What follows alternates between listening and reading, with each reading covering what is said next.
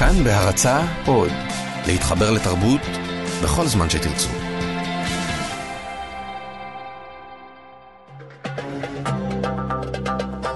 גם כן תרבות.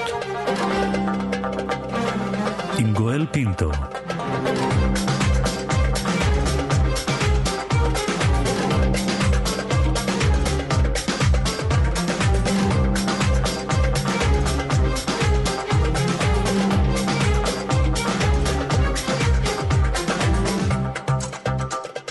שלום לכם, אני גואל פינטו, גם כן תרבות משודרת בכל יום ברשת כאן תרבות ב-104.9 ו-105.3 FM בין 10 ל-12 וגם באתר כאן ובאפליקציית כאן.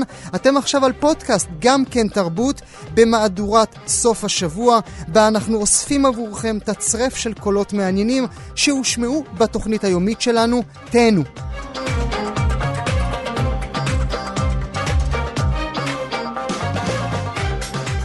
אל הנושא הראשון שלנו. מה הייתם עושים אם היה לכם פוליטיקאי מקומי שמצהיר כי זו בושה שגרמניה הקימה את אנדרטת השואה בברלין? וכי הדרך בה גרמניה מתייחסת לאירועי מלחמת העולם השנייה צריכה להשתנות ב-180 מעלות. אז חברי קולקטיב האומנות Center for Political Beauty, אה, הם גרמנים, אה, קולקטיב אומנות גרמני, עשו מעשה. הם נסעו אל העיירה בורן אגן בגרמניה, שם לאותו פוליטיקאי ביורן אוקה שמו יש נכס, והם פשוט הקימו לו רפליקה מ-24 לוחות בטון כבדים המהווים אה, של אותה אנדרטת שואה שהוא יצא נגדה. צופה כאן 11 גם יכולים לראות את התמונות הנהדרות של מעשה האומנות הנפלא הזה. אני עכשיו אה, שמח לשוחח עם אחת, מאותה, אחת מחברות אותו קולקטיב, אה, אה, ססי ליאון. ליאונרד, השיחה תתנהל באנגלית, אני אתרגם במהלכה. Uh, שלום ססי, thank you for being with us. Yes, hello. I'm uh, happy to be with you. Uh, first, thank you. Thank you for doing that. It's beautiful. thank you very much. Yeah. Uh, what, uh, when, the, when this idea came to your mind of the collective? Yes, well, um, Björn Höcke, um, a right-wing politician, in the beginning of this year, um, did a speech in Dresden in front of a crying out loud, crazy-going crowd of um, Nazis, you can say. And he called the Holocaust Memorial in Berlin, um, which stands for the six million murdered um, Jews of Europe. He called this um, a memorial of shame. Mm-hmm. And um, saying this in public and not being kicked out of his party afterwards and still being able um, to be in, um, yeah, in a parliament in Germany, in Thüringen, this is just an absolute disgrace. So um, we started to um, look deeper into his life. Um, we um, got rented out a, a house directly next to him. And the idea of building a memorial um, just in the garden next to him came quite quickly, and then it was just a question of, mm-hmm. um, yeah, how will we build it? Um, what will the building be? Um, okay, okay. I will translate yeah. now, and we will continue uh, afterwards. Uh, שאלתי את uh, ססי, אותה חברת uh, קולקטיב אומנות, כיצד הרעיון עלה במוחם, במוחו של הקולקטיב כולו. אז היא אומרת, uh, כששמענו את אותו פוליטיקאי גרמני, ביורן אוקה שמו, uh, נואם בדרזדן מול קהל נאצי, פוליטי משולהב וקורא לאותו מונומנט אה, אנדרטת אה, שואה בברלין בושה. העובדה שהוא עדיין בפרלמנט זו הבושה האמיתית, ואנחנו התחלנו לבדוק את חייו. שכרנו בית מול הבית בו הוא גר, ומיד חשבנו על הרעיון הזה לבנות מונומנט זהה למונומנט שנמצא אה, בברלין. How did you do it? How did you build it? Um, we built it out of concrete. Um, we researched for a few months and then we um, took these concrete blocks in trucks down to his house or to our house and built it under tents. So he couldn't see it. Mm, beautiful. Uh, שאלתי כיצד הם uh, בנו את המונומנט הזה, אז היא אומרת uh, שהוא עשוי בטון. הם uh, חקרו את העניין במשך כמה חודשים, אחר כך העבירו את כל לוחות הבטון uh, במשאיות, והם בנו את המונומנט, שאתם הצופים יכולים לראות אותם, uh, תחת uh, אוהל גדול, כך שהוא, למרות שזה היה מול הבית שלו, לא יכל היה לראות את מה שקורה שם. And when did you unveil the tent? Um, we unveiled the tent um, last Wednesday in mm-hmm. the morning at six o'clock in the morning, and he was looking down from his window. It was still dark, and he um, looked what was going on, and that was a touching moment for us. You you felt like, you were a winner. We felt like um, that just such a joy of him having to see this monument every day when he wakes up. היא מספר, שאלתי אותה מתי הם חשפו את אותו אוהל שבתוכו המונומנט, אז היא אומרת שזה קרה בשש בבוקר, בשעה שאותו פוליטיקאי ביורן אוקה שהם יוצאים נגדו הציץ מהחלון, וברגע שהם ראו את המבט על העיניים שלו, שמחה גדולה הייתה, ב, הייתה, הייתה בתוכם, כאשר הם ידעו שבכל בוקר כשהוא יקום, הוא יראה את המונומנט הזה, את האנדרטה הזאת, מול העיניים, מול העיניים שלו. is there anything with the police going on? Are you allowed to build a, a kind, this kind of monument in Germany? Well, um, as as a tenant of um, of a house, um, if you have a garden, then we found out through the um, building uh, people of the building amt, it's called, um, that you are allowed to build an art monument in your garden if it doesn't go higher than four meters. Mm-hmm. So ours is only two meters fifty, and it's allowed. we've got um, we've got like a contract, a renting contract, so he can't kick us off. אני שואל את ססי, האם, האם, האם, האם מותר לבנות את מה שהם בנו על פי החוקים הגרמנים?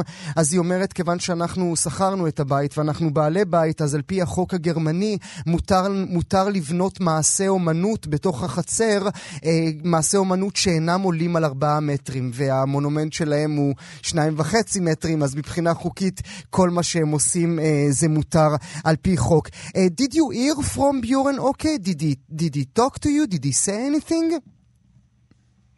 Um, well, he called us a terroristic organization publicly. Um, that was in the media.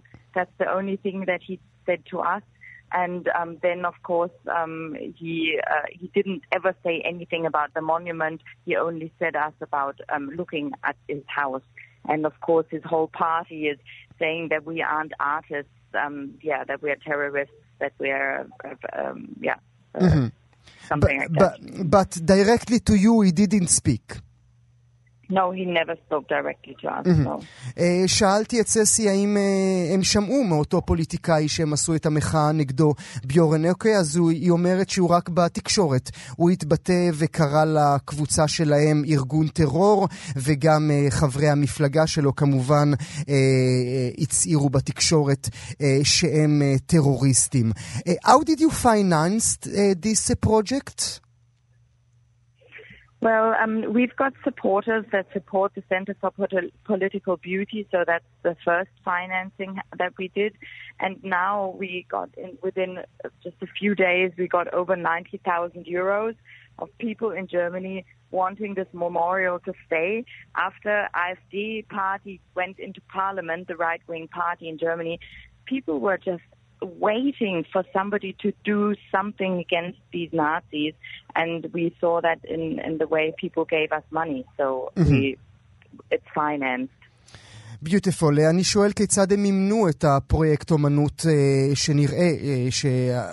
היצירה שלו, ההפקה שלו, העשייה שלו עולה כסף רב, אז היא אומרת uh, שיש להם תומכים, ועכשיו, רק בימים האחרונים, ברגע שהם העמידו את המונומנט הזה, הם קיבלו תרומות בסך 90 אלף אירו מאנשים בגרמניה uh, שרוצים שהדבר הזה יישאר מול ביתו של הפוליטיקאי. היא מסבירה שבעקבות הבחירות האחרונות שקרו אך לפני כחודש בגרמניה והעלייה בכוחם של מפלגות הימין הקיצוני בגרמניה, גרמניה, אנשים חיכו למישהו שיעשו, שיעשה מעשה, ומבחינת אנשים רבים המעשה נעשה על ידם. Um, do you think that art, do you think that art can change something? I think that art is one of the only ways of um, trying to make a translation of the these dreadful things that happened in Second World War and in Holocaust. It is the only translation that can make it capturable for our society now to relive this and to keep this commemor- commemorating lively. Mm-hmm. And we have to do drastic art um, and to keep it alive. Mm-hmm. אני שואל ככה לסיום את ססי, האם היא מאמינה שאומנות יכולה לשנות משהו? אז היא אומרת, אומנות היום זו הדרך היחידה שמאפשרת תרגום למה שקרה אז, לדברים הנוראים שקרו אז בשואה ובמלחמת העולם השנייה. זו הדרך היחידה להחיות מחדש את הזיכרון, וחייבים לעשות מעשה כדי שאנשים יזכרו את מה, את מה שקרה אז. ססי ליאונרד, thank you so much for being with us and thank you so art. Thank you from us. Thank you very much too. Bye. ביי ביי. מחר uh, ייפתח שבוע המחול הבינלאומי בירושלים, והבוקר מדווח יאיר אשכנזי בעיתון הארץ כי משרד התרבות uh, מונע תמיכה משלושה אירועים בפסטיבל, משום שהם כוללים עירום חלקי, ואכן בחינה שלנו, הבוקר של התוכניה, מגלה כי יש הופעות שמתחת לתיאור שלהם יש כוכבית קטנה, ובה כתוב המופע כולל עירום חלקי. משרד התרבות והספורט ועיריית ירושלים אינם תומכים במופע זה. שלום לעופרה אידל, מנהלת אמנותית שבוע המחול הבינלאומי בירושלים. שלום, נעים מאוד. אז מה, משרד התרבות מודיע לכם במה הוא כן תומך ובמה הוא לא תומך? משרד התרבות בשלב זה מבקש מאיתנו לכתוב ולהצהיר באופן שלא משתמע לשתי פנים שהם לא תומכים במופעים. מעבר לזה אנחנו נחכה לשוחח איתם אחרי הפסטיבל, אנחנו מנסים לעבור את האירועים ולהבין את המשמעויות, אבל כן, כרגע יש את ה... מתי קיבלת את הטלפון וממי? קיבלנו את הטלפון מה... האמת מחברים שלנו שאנחנו עובדים איתם ממינהל תרבות כבר שנים ומאוד מפרגנים לאירועים ובדרך כלל מאוד מאוד עוזרים לנו, mm-hmm. אבל כנראה שיש שם כוחות עם דעות מנוגדות, דעות קוטביות כמו בכל מקום, שיש מופעלים עליהם לחצים.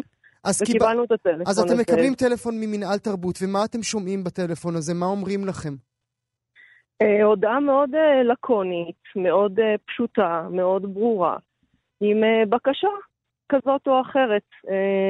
אנחנו לא, אמרתי לך, אנחנו לא נכנסים איתם עכשיו לדיון של תקציב, כי אנחנו ממש ערב האירועים, אבל אנחנו מכבדים את הבקשה שלהם. אבל, אבל הבקשה, אני מנסה להבין את, את, את, את ליבת הבקשה. הבקשה אומרת, אנא עדכנו את, ה, את המבקרים שלכם, שבהופעות מחול שיש בהם עירום חלקי או מלא, תכתבו להם שאנחנו לא תומכים בזה. נכון, שזה דבר שאנחנו עושים בכל מקרה, אנחנו עובדים בירושלים. כן, אתם כותבים שהמופע כולל עירום נכון, חלקי, אבל מעולם נכון, לא ראינו בהודעה שמשרד נכון. התרבות אינו תומך במופע כזה. עכשיו, צריך גם להסביר ברשותך, עופרה, תעזרי לי עם דברי ההסבר, צריך להסביר את זה למאזינים ולצופים שלי. אין דבר כזה. פשוט אין דבר כזה, במובן שמשרד התרבות, מנהל התרבות, תומך בפסטיבל, הוא לא תומך בשברירי הופעות בפסטיבל. נכון, כפי שאמרתי, אנחנו נצטרך אחר כך לשוחח איתם ולהבין את המשמעויות של זה. כמובן שיש משמעויות כספיות שנגזרות מזה, ואם אנחנו ניפגע, אנחנו נצטרך להבין איך אנחנו מטפלים בזה. אין שום ספק שפגיעה בפסטיבל בגלל אה, החלטה אומנותית כזאת או אחרת היא למעשה לא חוקית. Mm-hmm. אנחנו בהחלט נצטרך לטפל בזה, mm-hmm. אבל uh, בינתיים אנחנו, יש לנו מגוון של לחצים לא רק ממינהל תרבות ועיריית ירושלים, אז אנחנו מנסים לטפל בכלל הבעיות של הפסטיבל ש...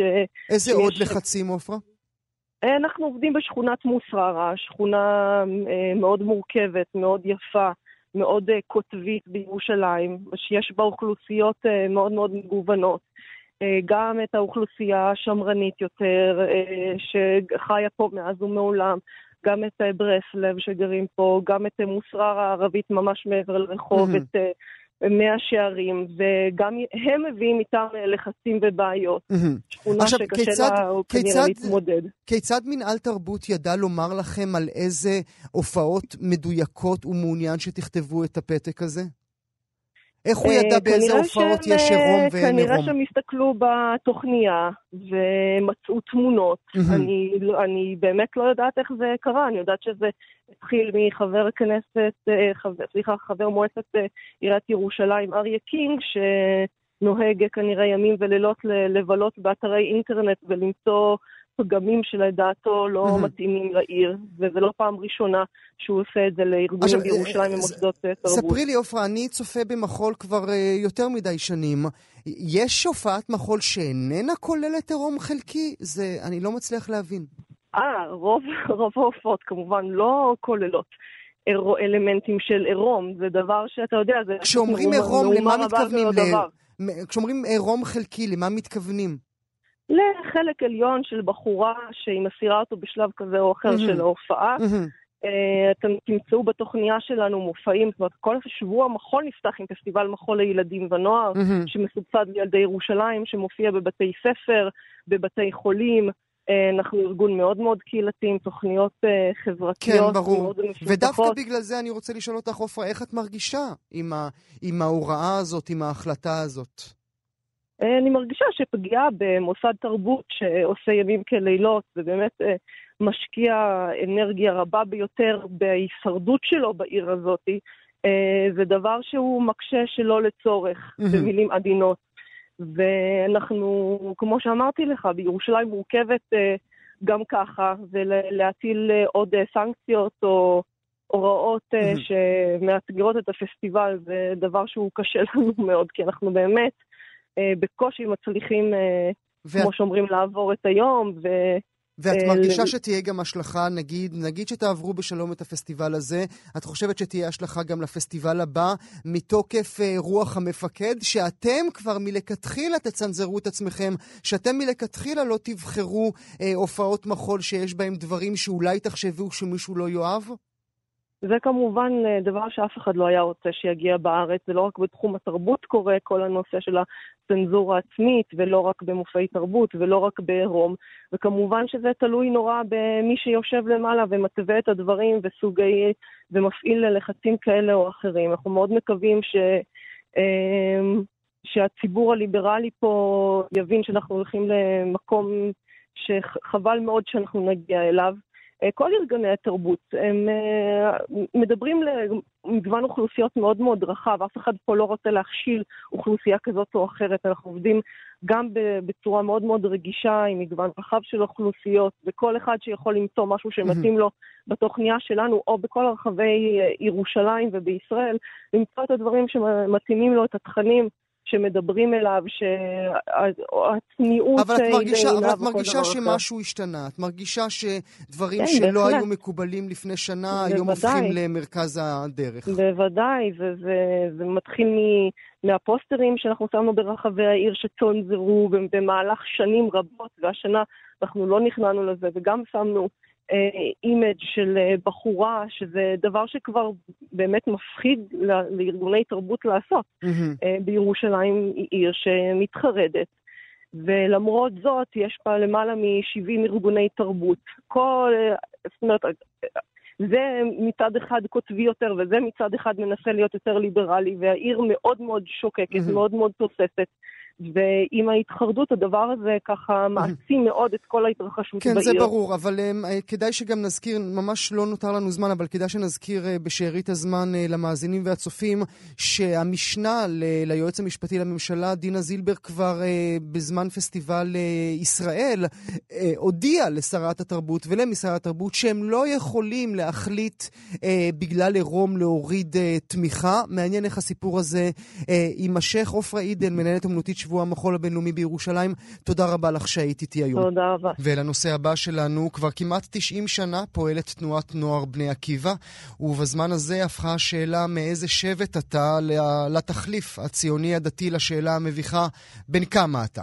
מדי אה, שנה בהגיעם לכיתה ט' זוכים חניכי התנועה הבוגרים בשם חדש ונחשף, למשל גאולים או אלישיב, באירוע המכונה שבת ארגון, שהענקתו פותחת סדרה של, דיול... של דיונים האם מדובר בשם מוצלח. השנה, יותר מתמיד, געשה הרשת הסרוגה והתמלאה באין ספור ממים ותהיות בעקבות בחירת השם יוצא הדופן, הנני. כך הם קראו לעצמם, הנני. העיתונאי אלישיב רייכנר מבוחרי השם נמצא איתנו כדי להסביר את הבחירה וגם כדי לנסות להבין יחד מה השמות הללו אומרים על החברה הדתית הלאומית. שלום אלישיב, תודה שאתה איתנו.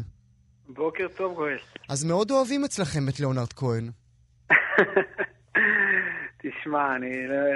מצטער שאני מאכזב אותך, אבל זה לא היה אחד השיקולים המרכזיים. אה, חבל, חבל. אבל אתה יודע, בדיעבד. אם זה זורם טוב, אני לא חושב שיש התנגדות. אה, אז לפני שנתחיל, ברשותך, אלישיב, קח אותי אל מאחורי הקלעים, לאותה ישיבה, לאותה התכנסות, שבה כן, מחליטים על בחירת השם. איך זה נראה? יש רוגע לך? יש משהו? יש, יש גם פירות, אתה יודע, בשביל ה... יבשים או טריים? גם וגם. תראה, הסיפור הזה של המליאה שמתכנסת, קודם כל היא מתכנסת גם לדיונים uh, עמוקים יותר. על הדיון על השם קדם למשל דיון על הסוגיה של uh, השבת במרחב הציבורי, שמעסיקה עכשיו את uh, כלל החברה הישראלית בעקבות. סיפור של עבודות ברכבת, זאת אומרת, יש דיונים בוא, אחרים בוא נתמקד גם. בשם, כי זהו, בשביל זה אנחנו כאן. ברור, ברור, ברור, אני לא מתכוון להתחיל. אני רק אומר שיש עוד דיונים באותו אירוע, אבל הדיון על השבט, באמת, על השם של השבט, הוא באמת ככה, הייתי אומר, אה, מושך הרבה תשומת לב ואמוציות. כי כמו שאמרת, השם הזה נשאר עם החניכים ככה אה, הרבה שנים, וזה ככה איזשהו סוג של הטבעת חותם. הוא מנקז לתוכו הדיון הזה. אז בכל זאת, עוד לפני כן, ברשותך, עוד, כן. עוד, עוד, עוד בכל זאת, כן. אה, מאחורי הקלעים, איך זה נראה? כמה אנשים מתכנסים? יש. מי מעלה את השמות? איך זה מתנהל? הכל, הכל אני אפרט. תראה, יש במליאה בערך 40 איש, אני חושב. יש עוד... אה, יש כמה גברים, כמה נשים? זהו, יש רוב גברי, אבל יש נציגות יפה מאוד נשית, אני לא יודע להגיד יותר מעשר נשים, זה בטוח. אה, שנמצאות במליאה, חלקם אה, זה גם נציגות של הרכזות הסניפים, חלקם רכזות אה, בתנועה, יש רכזות מחוז גם היום בתנועת בני עקיבא, בתפקידים בכירים, ויש גם בוגרות שהן במליאה, כמו okay, שאני מציע. אוקיי, אבל רוב גברי. בוגרות. מי מציע את השמות? השמות ככה, בשנים האחרונות נותנים אפשרות לשלוח במייל, לשלוח דרך האתר בעצם של בני עקיבא הצעה של שמות. הצעות לשמות על ידי החניכים, מרכזים את כל ההצעות ומוסיפים בדרך כלל, הנוכחים בישיבה עצמה בדרך כלל מוסיפים אה, שמות שגם הם חשבו אה, עליהם, ואז תחילת הערב יש אה, מיפוי, זאת אומרת כל אחד בוחר חמש שמות, ומתוך השלושים שהיו שם בערך, ואז כשמגיעים לסוף הערב באמת עושים את השלבים, יש חמש שמות, עושים דיון, כל שם צריכים לנמק אותו כדי שיהיה אפשר לדון עליו.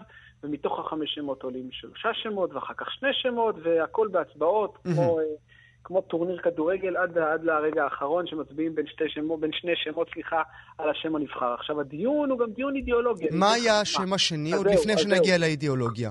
אז זה בדיוק, זה בדיוק מה שהתכוונתי. השם השני היה נועם. נועם, עם ו', כן. בלי ו'? אה, אתה יודע, הפלת אותי. אני חושב שבלי ו', אבל הרעיון היה... אה, בעצם, אה, אתה יודע, זה גם שם יותר קליט ויפה, ככה החבר'ה הצעירים מעדיפים אותו על השם הנני. Mm-hmm. ואז עלה דיון, האם אנחנו באופן כללי, וזה דיון שעולה בשנים האחרונות הרבה, האם אנחנו נוטים לבחור שם בגלל שהוא יהיה קליט ונחמד ונעים לאוזן, שבדרך כלל זה הצעירים יותר רוצים, שם שהוא בעצם שם של, יכול להיות של נער או נערה, mm-hmm. כמו שחר, כמו נווה, כמו נועם, או שאנחנו בוחרים שם שאולי הוא פחות קליט, אבל הוא, הוא טעון משמעות שלא צריך הרבה הסברים כדי להסביר אותו. Mm-hmm. תמיד השם, השם, בחירת השם מלווה בכתיבת מסמך שנקרא דבר השליח, שמקריאים אותו בכל הסניפים בטקס העלאת השבטים, בעצם מסבירים את בחירת השם. אז כשבוחרים שם קליט ונחמד, הרבה פעמים מתפתלים כדי למצוא בדיוק את המשמעות. Mm-hmm. תמיד יש דיון האם לבחור את השם הקליט והנחמד שקצת יותר קשה להסביר את המשמעות שלו, או לבחור שם כמו הנני, שאומר אמירות מאוד ברורות ויותר קל להסביר את, ה, את הקריאה. הקריאה של הנני זה התייצבות, זה שליחות, זה מסירות, זה, זה, זה, זה להגיד אני נכון מה שנקרא, ל, כמו יהיה נכון כזה של הצופים, כן? אני, אני נקרא למשימה ואני מתייצב אליה אה, ככה במסירות, ו, וזאת קריאה שהתנועה רוצה לחנך אליה, mm-hmm. נגיד ככה את החניכים. בוא ברשותך ניתן אה, עבור אה, המאזינים שלנו, אה, קודם כל בוודאי כולם אה, סקרנים לדעת אה, שלומי בן עטיה, המפיק שלנו, מה השם שלו, אז השם, שם, שם השבט שלו הוא קוממיות. אה, מי שמהקבוצה יכול כבר להבין בין כמה אה, שלומי בן עטיה. תגיד לי באיזה שנה נולדת ואני אגיד לך איזה שם. אה, אבל, אבל בוא, נפ, בוא, בוא ככה נפרוס בפני המאזינים והצופים את השמות של העשור האחרון. כאמור, כאמור כאמור, היום הנני, לפני כן היו אורות ומורשה וציון ואביחי ונאמן ואיתן ונעלה ולהבה והגבורה, שזה הכל נחמד. אני עדיין מחפש איזשהו סמנים אה, אה, נשיים בשמות שלכם ואני לא ממש מצליח למצוא. תראה, תראה, תלך אחורה, יש לך מוריה. לא, ספרתי עשור, כמה עוד אפשר ללכת אחורה? אבל תראה, מה שמעניין, שאפשר ללמוד הרבה היסטוריה גם קצת מהשמות. זאת אומרת, אני למשל, לצורך העניין, אני שבט המבשר, כי באותה, ואחריי היה שבט זה היה בתקופת העלייה של יוצאי ברית המועצות. אז דיברו על העם ישראל ששב, על בשורת הקליטה והקיבוץ גלויות. אתה יכול ללמוד על מאבקים שקשורים להסכמים מדיניים, למשל נחלה או ברמה, שזה היה בתקופה של המאבק על הגולן, ברמת הגולן. אתה יכול ללמוד על, על המתחים בתוך החברה הישראלית, אחדות, שזה היה בתקופת המאבק בהסכמי אוסלו, או שלם, שזה היה מיד אחרי רצח רבין. אתה יכול ללמוד באמת אה, על תקופות לפי, ה, לפי הקריאות של, ה, של השבטים. אם זה, זה מתחיל כבר משבט עציון, ש, שהוא השבט השני בעצם, שהיה שנתיים אחרי נפילת גוש עציון, ודרך שמות נוספים אתה באמת אה, לומד לא מעט על ה, על ה, גם על ההיסטוריה של הציונות הדתית וגם על ההיסטוריה של מדינת ישראל. מרתק מאוד. אז הנני, מה הסיבה? מה, איזה, איזה, איזה תירוץ נתתם לשם הנפלא הזה? כן, אז אני אגיד לך, יש השנה ועידה שיש פעם בארבע שנים, בפסח, בתנועה, ובחרו ככותרת את הסיסמה שמובילים בדרך תורה ועבודה. והרעיון היה שבעצם הציבור של בני עקיבא, או הציבור הדתי-לאומי, רוצה להיות חלק, נגיד ככה, מההובלה וההנהגה במדינה, ודווקא בגלל זה השם הנני בא להגיד, אוקיי, אתם רוצים להוביל, אתם רוצים להנהיג, אבל מה שנקרא, אל תעופו על עצמכם יותר מדי, תבואו לזה מתוך, נגיד ככה, ענווה, מתוך שליחות. ולא מתוך איזושהי תחושת עליונות. זה מעניין, מעניין ההסבר שלך, כי אני דווקא, השם מרגיש לי הכי לעוף על עצמך. למה? הנני, להפך, מה, הנני זה בעצם להגיד, אני נכון למשימה, תגיד לי ואני בא, זה כמו אני גלגל, חסר גלגל, אני גלגל, של טרומפלדור. זה לא בא להגיד, אני, אני פה כי אני טוב יותר, אני פה כי אני מוצלח יותר, אלא אני פה כי, כי קוראים לי, כל קרה והלכתי. אז הנני, אני פה. ומה, ו- ומה בני עקיבא רוצה לומר בשם הזה? מה, מה סמוי מן העין? חושב מה... שוב לחדד את, ה, לחדד את מושג השליחות, לחדד את מושג המסירות, ההתמסרות, שהוא מושג ש, שהוא אידיאל שהוא קצת נשחק, צריך להגיד, mm-hmm. בעידן המימוש העצמי, וה, וה... כן, צריך, צריך, אני חושב, לחזור קצת לערך הזה של לבטל קצת את האגו לטובת הכלל או לטובת המשימה. זה נשמע לפעמים קצת מיושן ב-2017, אבל אני חושב שתנועת נוער שמחנכת לאידיאלים, היא צריכה להזכיר גם את הדברים המיושנים האלה לכאורה. ומה הייתה הבחירה שלך, אלישיב? אני הלכתי עם הנני, מההתחלה עד הסוף. אה, גם בחמישייה שלך הם היו שם? לגמרי, לגמרי. אני מה... אני מהנאבקים על הנני, הוא לקח די בגדול, אני חייב להגיד. הוא לא, לא צריך פה אחד בסוף? צריך רק רוב? אז זהו, אחרי שעושים רוב, אז יש משהו מנהלתי כזה, שמצביעים כולם ביחד שוב בעד השם הנבחר. ו, וגם יש קטע ש, שבשביל קצת להטות את הקהל, אז מצלמים את כולם עומדים בשירת ההמנון, שמאחורה יש שקופית בדרך כלל עם השם השני או השלישי, כדי להטות את, ה, להטות את החניכים, כי זה סוד, כן, כן, כי זה סוג של סוד, כאילו עד... עד עד לחשיפת השם במוצאי שבת בטקס. נדמה לי שזה... זה קשה להסתיר את זה כבר. נדמה לי שזה הדבר הכי קרוב לבחירת אפיפיור, כן? עד שיוצא עשן, עד שיוצא עשן לבן, רק שאצלכם מה? במקום עשן לבן יוצא מה? אז זה כתובת אש, כתובת אש, במקום השם לבן, אז הרבה אש והרבה נפט נשפך על זה, אבל זה יפה. אגב, אחרי שבחרו את השם, מישהו, לא יודע בדיוק מי שם, טרח לעלות על הקו את יורם גאון, ש... שהתחיל לספר את סיפור כתיבת השיר הנני כאן, כמובן. מאוד שמח על השם. וזה בדיוק מה שהכנו עבור המאזינים שלנו, רק בוורסיה קצת אחרת. אלישיב רייכנר, עיתונאי ופעיל חברתי, תודה רבה לך שהיית איתנו. תודה לך, להתראות. גם כן תרבות. עכשיו אנחנו ממשיכים באומנות. שתי תערוכות ענק נפתחות החודש. האחת תערוכת ענק ליצירות מיקלאנג'לו במטרופוליטן בניו יורק. השנייה תערוכת ענק לציורי דגה במוזיאון אורסיי. וזו הנקודה שבה חשבתי שאולי כדאי לשאול מדוע מוזיאוני העולם חוזרים שוב ושוב ושוב להצגת יצירות של גדולי המאסטרים. לשם כך הזמנתי את דוקטור איה לוריה, מנהלת ועוצרת ראשית של מוזיאון הרצליה לאומנות עכשווית. שלום איה, תודה שאת איתי. שלום, בוקר טוב, גואל. אז למה? כל פעם, די. אז קודם, כמו שהצגת והקדמת, אני מדברת איתך היום בכובע של מנהלת דווקא של בשל כך. כלומר, לצערי, או שלא לצערי, החטא הגדול שלנו במוזיאון הרצליה, שאין לנו באוסף לא יצירות של מיקלאנג'לו ולא יצירות של דגה, אבל תרשה לי וידוי אישי. Mm-hmm. אם היו לי כאלה באוסף, הם לבטח היו מוצאים את דרכם גם אל אולמות התצוגה שלנו. ועם איזה זאת... איזה מבאסת את. למה? למה את אומרת את זה? אני תכף אסביר לך למה. מכיוון שבגלל שאנחנו עוסקים בתרבות ואומנות, אנחנו לא יכולים לייצר אה, פרספקטיבה שהיא אה, חד-מוקדית. זאת אומרת שאני מציעה לך כאן לשים על השולחן את תיאוריית הגם וגם. Mm-hmm. כלומר, מצד אחד, כן, להראות את המאסטרים הגדולים, לא יעזור כלום. האם היית יכול להעלות על דעתך רפרטואר של איזושהי תזמורת בלי אה, מוצרט, בלי ברמס? אה, האם היית יכול לתאר רפרטואר תיאטרלי בלי שייקספיר הגדול? בוודאי ובוודאי. אבל, וכאן נכנס האבל הגדול והרלוונטיות שלו אל העכשיו. היא האופן שבו אנחנו מפרשים, mm-hmm. מתבוננים, קולטים מחדש ומציגים מחדש את המייסטרים הגדולים. Mm-hmm. לא סתם הם, כה... הם, הם נהיו כאלה, הם נהיו כאלה בדיוק בגלל המורכבויות ובגלל אין סוף הדרכים שבהם אנחנו מתבוננים מחדש וחוזרים שוב ושוב. אבל כמה אפשר להתבונן דבר. מחדש ברקדניות של דגה? אוקיי, אז זה בדיוק, ה... זה בדיוק העניין. מכיוון שכל הזמן יש גם uh, התקדמות במחקר, גם מבחינה מדעית, האופן שבו עושים אנליזות ליצירות האלה, uh, חומרים חדשים שמתגלים בארכיונים, אצל אנשים, יומנים, מכתבים ופרספקטיבות תיאורטיות חדשות, מאפשרות גם לאוצרים, אבל גם לאומנים להתבונן אחרת, להבין אחרת, לפרש אחרת את היצירות. זה חלק מהתהליך האדיר הזה של מה שאנחנו קוראים תרבות. זאת אומרת, מצד אחד, אני לחלוטין לא אומרת, אך ורק זה mm-hmm. ואין בלתי. Mm-hmm. לחלוטין לא, וכמו שאמרתי לך, נהפוך הוא, אני דווקא מדברת בשם החדש והעכשווי.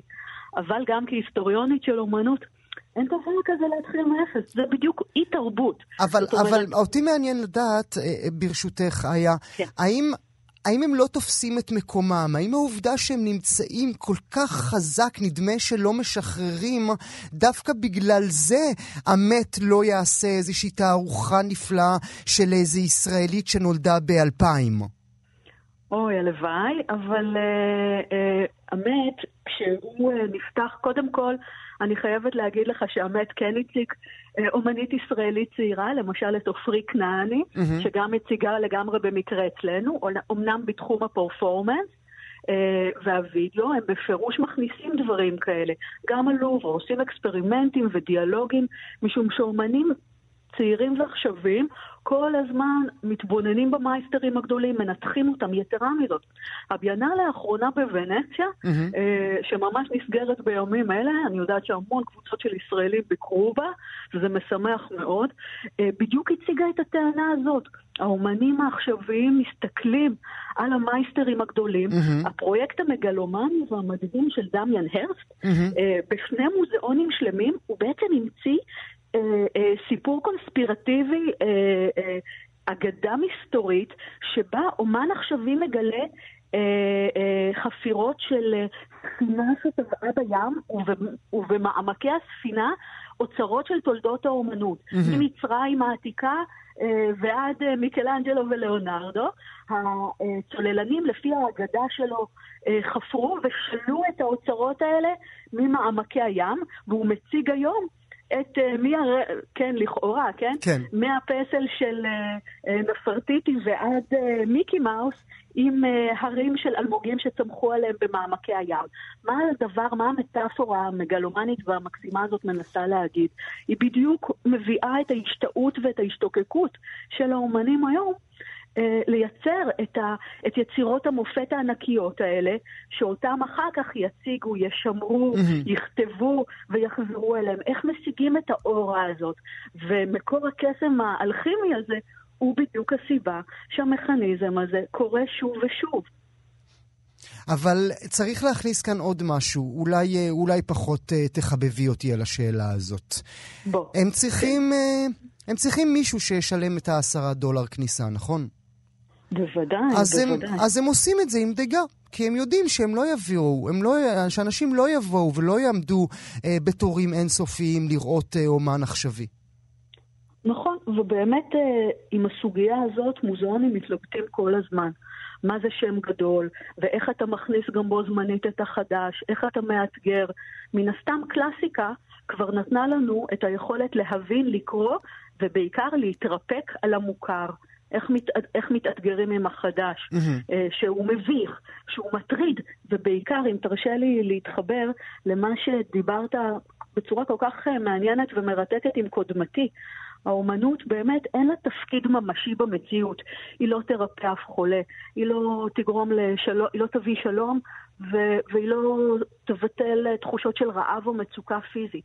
אבל מה שהיא כן, היא תשים לנו מראה ותנסח בצורה סימבולית הנכונה ביותר את הדברים האלה שאנחנו לא יכולים להגיד בקשר לזמן. ולמקום שלנו. ואני, ו... ואני אני רוצה להקריא לך ברשותך, אה, אנחנו מקבלים כאן לא, לאולפן אה, הודעות ממאזינים וצופים רבים שלנו. אחד מהם כותב, אני אשמח אם תתייחסי לזה, אחד אומר, חוזרים אל הגדולים כי לדעתי לקהל הרחב וגם לי אישית, חיבור רגשי כמעט מיידי אליהם. אומנות עכשווית קצת קשה לעיכול. נכון, היא באמת אה, כן קשה לעיכול. אה, לא שמישהו ממש ממש צריך לבלוע אותה, אבל נכון, זה בדיוק העניין. אתה יודע אבל מה נורא מפתיע אותי תמיד, ומכיוון שאני נמצאת באומנות עכשווית ומקבלת אנשים, למשל בשבת הקרובה אני אפגש עם הקהל בתערוכות אצלנו ונדבר ביחד על הדברים האלה בדיוק, מכיוון שכל אחד ואחד מאיתנו מחזיק בכיס טלפון, אה, מצלמת וידאו אה, דרך הטלפון החכם.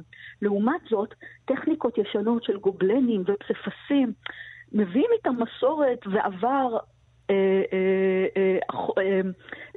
מפואר, אבל כזה שלא רלוונטי לתקופתנו. דווקא אנחנו צריכים הרבה יותר להבין את המשמעויות ואת הרבדים, גם הטכנולוגיים וגם האסוציאטיביים שקשורים לטכנולוגיה עכשווית. ונכון, אנחנו מתרפקים על המוכר, כי אלה הדברים שאנחנו כבר יודעים. תמיד החדש הוא קצת מפחיד, הוא מאיים, אבל לעזאזל, הוא מסקרן ובעיקר רלוונטי. מדהים. טוב, תבואי הרבה. אה, דוקטור אה, אה, איה לוריה, אני אזכיר רק שבשבת הקרובה בשעה 12 את מדריכה סיור במוזה, במוזיאון שלכם בהרצליה, במקבץ התערוכות קו לקו, דיוקן המוזיאון, ובעצם שם אתם תתבוננו מה בעצם תפקידו של מוזיאון במאה ה-21. איה לוריה, תודה רבה לך שהיית איתי הבוקר. תודה רבה לך. היום במוזיאון העיצוב במדיאטק חולון תיפתח התערוכה ז'וטם, רונית אלקבץ. התערוכה שמציגה 200 פרטי לבוש של השחקנית והבמאית המהוללת, מאלה שלבשה על השטיחים האדומים ועוצבו על ידי גדולי מעצבי האופנה בעולם, ועד תלבושות שלבשה בסרטים בהם שיחקה. ואיתנו עכשיו, בעלה של רונית, האדריכל אבנר ישר. שלום אבנר, תודה שאתה איתנו. שלום רב. היא באמת אהבה בגדים כמו שנדמה היה לנו מהצופים מבחוץ? אה, אני חושב שאהבה בגדים זה הגדרה אה, צרה. אמ, קודם כל, היא מאוד אהבה בגדים, והיא התייחסה מאוד ברצינות אה, לבגדים ולמשמעות של בגדים. ובשבילה בגד היה, היה תוכן לבגד, לא רק הצורה שלו, אלא הבגדים תמיד אה, השתלבו והביעו את, אה, את אה, מה שהיא רצתה להביע, את האומנות, את ההתרסה, את החידוש, את החדשנות. היא התייחסה לאופנה כאחת מהאומנויות. כמו שיש קולנוע וספרות, ככה יש אופנה. וכשאנחנו היינו uh, צופים בה ורואים אותה בכל אחת מההופעות הפומביות שלה, אני כמובן מיד זוכר את uh, טקס האוסקר, טקס האקדמיה, uh, טקסי אופיר האחרון, טקס פרסי כן. אופיר האחרון. כל אחד מהמאזינים והצופים שלי עכשיו בטח image אחר עולה לו בראש. הייתי אמור ללמוד משהו מהשמלה הזאת, מלבד שהיא נראית נפלא? אני לא יודע לענות לך באופן ספציפי על אירוע כזה או אחר, אבל באופן עקרוני, ואולי אפשר, השמלה שהיא לבשה הייתה אה, החצאית שנקראה Mm, כן. לעיני כל הייתה חלק משמלת הכלולות שהיא לבשה שהתחתנו. מהמם. אה, שנצבעה. שחור? לא, לא, חצאית היא לבנה. אה, אה, אה, נכון, נכון, נכון, נכון, נכון, נכון. אז היא לבשה את זה והיא קראה את זה, אוקיי, אתה יודע, יש כאן... אה, זה נקרא, היא לא קראה את זה. מה הבגד האהוב עליך בתערוכה, אבנר? אה, קשה לי לומר. אה, הבגדים בתערוכה עבורי, יש את הצד הציבורי שלהם ואת הצד ה... של הקולנוע והאירועים, אבל יש בתערוכה לא מעט פריטים שהיו חלק מחיי היום שלנו. והיחס שלי לכולם, אה, לכל הפריטים האלה, הוא מאוד אישי. קשה לי לבחור פריט אחד. ומדוע החלטת, אנחנו היום אה, שנה וחצי, פחות או יותר, אה, אה, למותה של אה, רונית, מדוע זה היה הטריביוט שלך? קודם כל, אני צריך לומר שהדמות החשובה והרוח החיה ביצירת התערוכה הזאת זה אחיה של רונית שלומי אלקבץ, מהמם. שהיה המנהל האמנותי של התערוכה, ולצידו יערה, האוצרת של התערוכה, יערה קידר, כן. יערה קידר. אה, אנחנו חשבנו, אה, התערוכה הזאת היא לא תערוכת הנצחה לרונית. אין, מהמם. אין לנו שום כוונה לשמר את זכרה רק כדי שיזכרו אותה.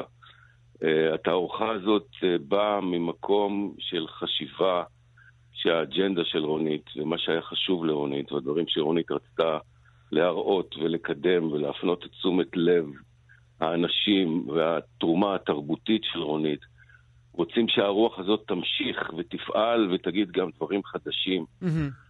ובאמצעות התערוכה הזאת, שהיא אה, באמת התחלנו אה, לחשוב עליה אה, קרוב מאוד למותה של רונית, הכוונה היא לא להנציח, אלא בעצם שרוחה אה, תמשיך ליצור דרך הדברים שהיא Mhm. השאירה אחריה.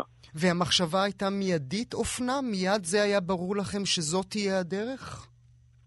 אמ, כן, אנחנו חושבים על עוד אה, דברים, עוד נושאים, אה, אולי ספר, אולי כל מיני, יש הרבה אוספים רונית השאירה אחריה.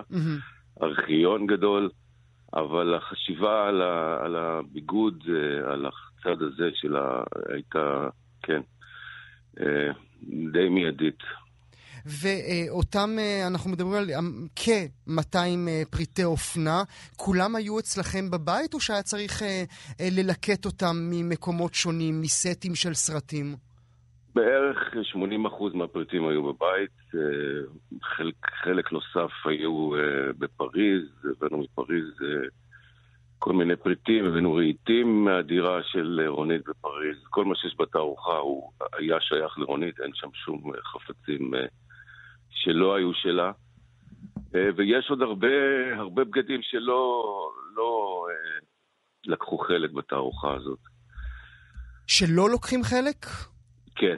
זה חלק שנבחר, שבעצם מחולק בין בגדים אישיים של רונית לבין אה, בגדים שהם היו אה, בקולנוע, בתפקידים שהיא עשתה, אה, ואת השמלות והבגדים האלה חיפשנו, ואפילו יש כמה שמלות ש...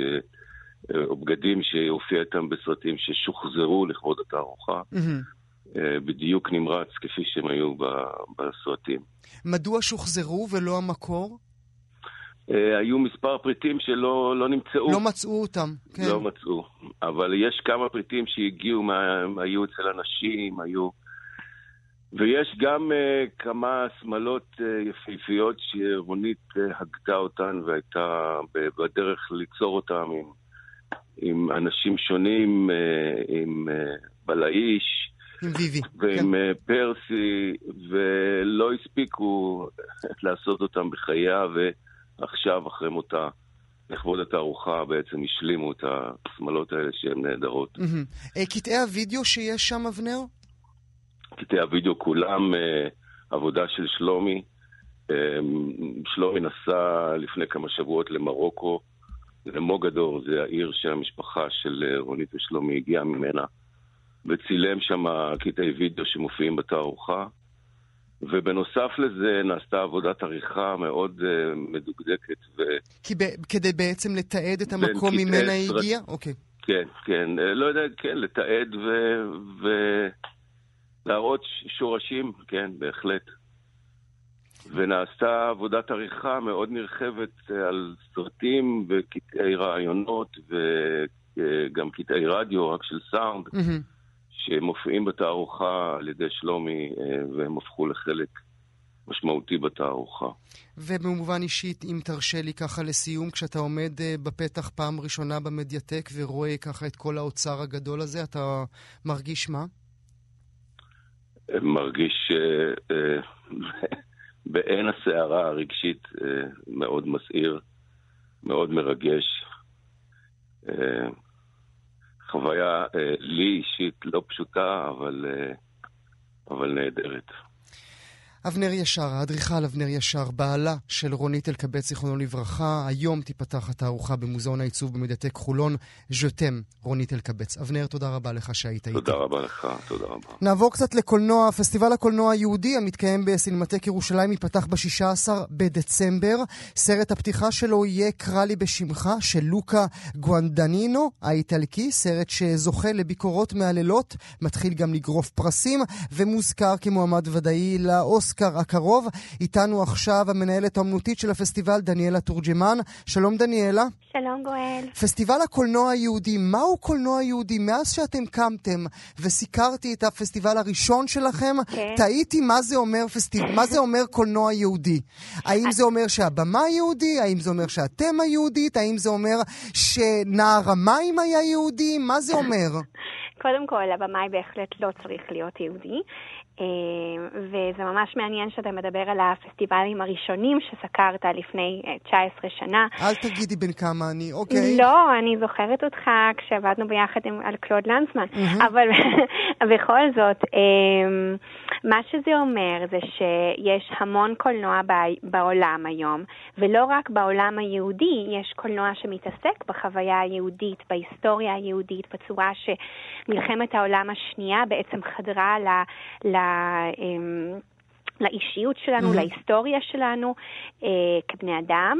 זה קולנוע ישראלי, זה קומדיות, דוקומנטר, אה, אז מה, אז תנסי לשרטט לי, דניאלה, yeah. כן. כאוצרת, אה, כמנהלת אומנותית, את הגבולות הגזרה שלך. מה המינימום שלא ייכנס לתוך פסטיבל קולנוע יהודי, ומה המקסימום? נגיד ישראלי על קישון, נכנס, אני איתך, זה קולנוע יהודי. מה לא?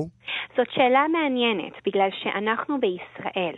עכשיו, בתוך ישראל, במשך הרבה שנים, אני חושבת שכשדיברנו על קולנוע יהודי, דיברנו על קולנוע שהוא מאוד מובהק מבחינה דתית. Mm-hmm. אבל היום, כשהזהות אמ, אה, שלנו כ... בתוך הדת או בתוך היהדות, זה משהו כל כך מגוון בישראל. כמובן, יש אנשים שזה מאוד ברור שהם דתיים, אבל יש הרבה אנשים היום בישראל שמגדירים את הדת שלהם כמשהו מאוד תרבותי mm-hmm. או אומנותי, mm-hmm. או פשוט כיום-יום חיים בישראל. כן. זה גם יכול להיות קולנוע. פחות הפרקטיקה, כל... יותר, יותר האמונה. אז, אז בואי, ברשותך, אני ציינתי את זה ולא לחינם, את קרא לי בשמך כן. של אה, לוקה גואנדנינו. כן. אה, כולם מדברים על הסרט הזה. יופי. אה, אה, הוא סרט הפתיחה שלכם מאוד הפתיע אותי. מה הופך אותו להיות ראוי להיות סרט הפתיחה של פסטיבל קולנוע יהודי? מה יהודי בו? אז קודם כל, אה, תמיד, תמיד, תמיד הדבר הכי חשוב לנו לפני אה, ההגדרה היהודית זה לוודא שכל מה שאנחנו מקרינים זה קולנוע טוב mm-hmm. מבחינה אומנותית. אז מבחינה אומנותית זה כמובן ראוי לסרט פתיחה. עכשיו, יש הרבה סרטים היום בעולם שהם לא יהודים בצורה מובהקת, הם מה שאני קוראת לזה זיקה יהודית, mm-hmm. Jewish interest. זה סרטים שקשורים לעם היהודי, קשורים להיסטוריה, לזהות, אה, לאומנות, אבל לא כל הזמן מדברים על היהדות, וזה לא צריך את זה כל הזמן, כי היום הרבה אנשים, זה פשוט משהו שהוא מין מוסכם. לשם נכנס ההגדרה של הסרט הזה. Mm-hmm. כי מה? כי מה? כי... אוקיי, כי שתי הדמויות המרכזיות הם, הם, הם, יהודים. Mm-hmm. זאת אומרת, okay? שני הנאהבים. זה סרט שני, על שני כן, נאהבים, שני, שני גברים נאהבים. שני הגברים הם יהודים, המשפחות שלהם יהודיות. יש, אה, הם הולכים עם מגן דוד. Mm-hmm. Okay? יש שיחות על החוויה היהודית. אוקיי. ועל על חוויות ש, ש, שיש לשניהם. ויש גם אה, הרבה שיחות שאפשר ליצור אה, אחרי הסרט, אה, שקשורות לגוף, ל, ל, ל, אה, לתפיסה שלנו של האסתטיקה והגוף ואיך זה נתפס בהיסטוריה. אה, ואת. זה, את זה את מחברת ליהדות כיצד? אנחנו מחברים את זה, אמ, אה, אפשר להסתכל על הרבה סרטים, דרמות במיוחד, שתמיד הדמות היהודית אה, זה מישהו שהוא קצת פחות אתלטי, אולי יש תמיד את הסטריאוטיפ הזה. כמובן. כן, וכשרואים את הסרט הזה, באמת יש את שני ההפכים שם. יש בן אדם שהוא כן הסטריאוטיפ של הבחור שקורא הרבה ספרים, פחות אתלטי, ויש את הצד האחר, שהוא גם מאוד אקדמי, אבל uh, יש לו מראה הרבה פחות יהודי במרכאות. כן, הוא ואפשר... כאילו- כן, אפשר ליצור שיחה מעניין. מעניינת אז, אז על, אני... זה, על, על מה זה הנושא של הגבריות היהודית. אז, אז מ- מסרט הפתיחה אני אקח אותך לסרט הסיום, לסרט כן. הנעילה, שגם הוא מעניין אותי דווקא בהקשר השאלה היהודית. נכון. אתם uh, תציגו את ספרו של ג'ו רייט, המאזינים והצופים שלי בוודאי מכירים אותו בתור מי שביים את כפרה ואת כפרה. גאווה ודעה קדומה. כן, אתם מביאים את. הסרט החדש שלו, שעה אפלה, שעוסקת בווינסטון צ'רצ'יל, או לפחות בארבע שבועות הראשונים לכניסתו לתפקיד ראש הממשלה שם. מה יהודי בזה? אוקיי, אז כשאנחנו מדברים על אה, ההיסטוריה של העם היהודי, ובאמת ההיסטוריה של מה, מה, מה קרה לעם היהודי בעקבות מלחמת העולם השנייה. אז אנחנו צריכים להסתכל לא רק על מה שקרה לנו, אלא על כל מה שהשפיע ישירות על ההיסטוריה שלנו. וזה מאוד ברור שההחלטות של צ'רצ'ל השפיעו ישירות טוב, על... תשמעי, אני מאוד אשמח לראות את הסרט הזה, דניאלה, אבל את לגמרי stretching. אה, את ממש, מ- את ממ- אני נורא שמח שאתם מביאים אותו, באמת, אבל את, את ממש stretching את הנושא. אבל, אבל גואל, אנחנו צריכים לחשוב טוב טוב לאן הולך היום פסטיבל קולנוע יהודי, ולמה אנחנו... מש, למה אתה משתמש במילה הזאת stretching? והאם צריך, do we need to stretch in order to define a Jewish film festival? למה עושים את זה? ואני אסביר לך למה. כי תמיד, אנחנו אף פעם לא נשכח את מי שאנחנו. ותמיד בתוך הפסטיבל, תמיד יהיו הסרטים היותר קלאסיים, שמדברים על אה, שואה פרופר, ואומנות, ו- ו- והיסטוריה, ואתה יודע, אה, סרט על בילי ויילדר, וסרטים על כמובן, השואה, ו- כמובן. וקישון, כמו שאמרת, וסרטים על הקהילה היהודית בבגדד ולוב. זה נכון, וזה תמיד יהיה. והם יהיו, ו- וטוב שהם יהיו, כן. ואנחנו, ברור, ואנחנו אף פעם לא נסטה משם, אבל בתוך המסגרת הזאת, גם אנחנו חושבים שזה חשוב להכניס אמ, אחוז של סרטים, לא הכל, אולי עשרה אחוז של סרטים, שבגלל זה אני קוראת לזה זיקה יהודית, שזה נקשר לחוויה היהודית אה, ולצופה שמעוניין בסרטים יהודים. מבין? ו- וככה אנחנו ממשיכים להגדיר את הפסטיבל ולחדש אותו, כי אי אפשר ליצור פסטיבל שהוא אותו דבר כל הזמן. צריך לשנות אותו, כמו שהקהילה, הקהילות היהודיות והזהות גם הן היהודית משתנות וכל ה- בעצמם. כל העולם משתנה כל הזמן. וככה לסיום, אה, את חושבת שליה ון ליר, מנהלת, אה, מנהלת הפסטיבל היהודי אז בשנים ההם, הייתה פותחת אה, את פסטיבל הקולנוע היהודי שלה עם סרט על אהבה להט"בית? לא משנה אם יש שם אה, יהדות או לא? אני רוצה להזכיר לך בבקשה, גואל, שליה ון ליר, כן, היא הייתה זאת שהחליטה דווקא, כן, להקרין סרטים מסוימים שאף אחד לא רצה להראות בכל ישראל אה, אה, לפני שהיא הראתה אותם.